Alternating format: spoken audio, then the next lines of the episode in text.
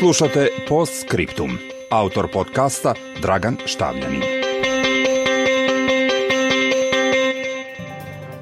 Svakog šefa Pentagona koji bi savjetovao predsjedniku SAD-a da pokrene još jednu kopnenu invaziju na Bliskom istoku treba poslati na pregled glave, izjavio je Robert Gates, bivši američki ministar odbrane, povodom zveckanja oružjem između Vašingtona i Teherana. On je upozorio da bi američki vojni udar na Iran imao katastrofalne posljedice.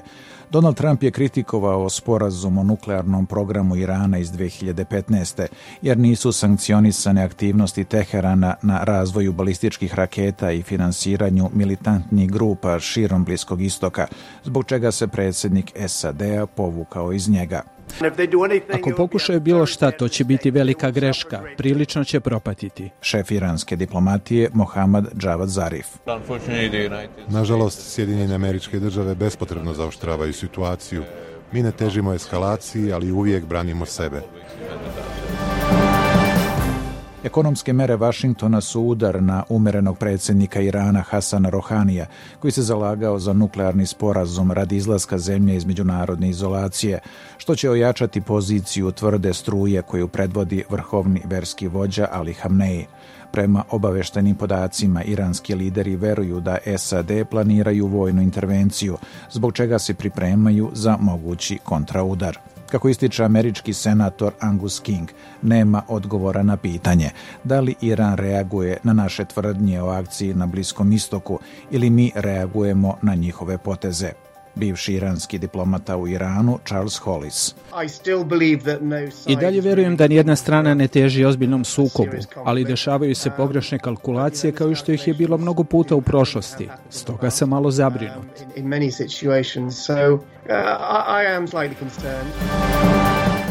U slučaju izbijanja oružanog sukoba bio bi mnogo žešći i sa pogubnijim posljedicama nego rat u Iraku, upozoravaju vojni eksperti. Oko trećine svetske proizvodnje tečnog gasa i 20% nafte prevozi se kroz veoma uski Ormuski Moreus, koji bi Iran mogao da blokira, što bi izazvalo potres na globalnim tržištima.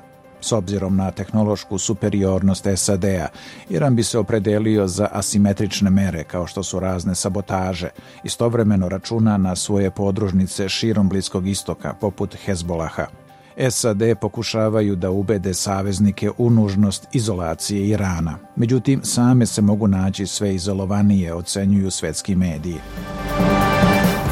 Kao što je američki general David Petreus izjavio tokom invazije Iraka 2003.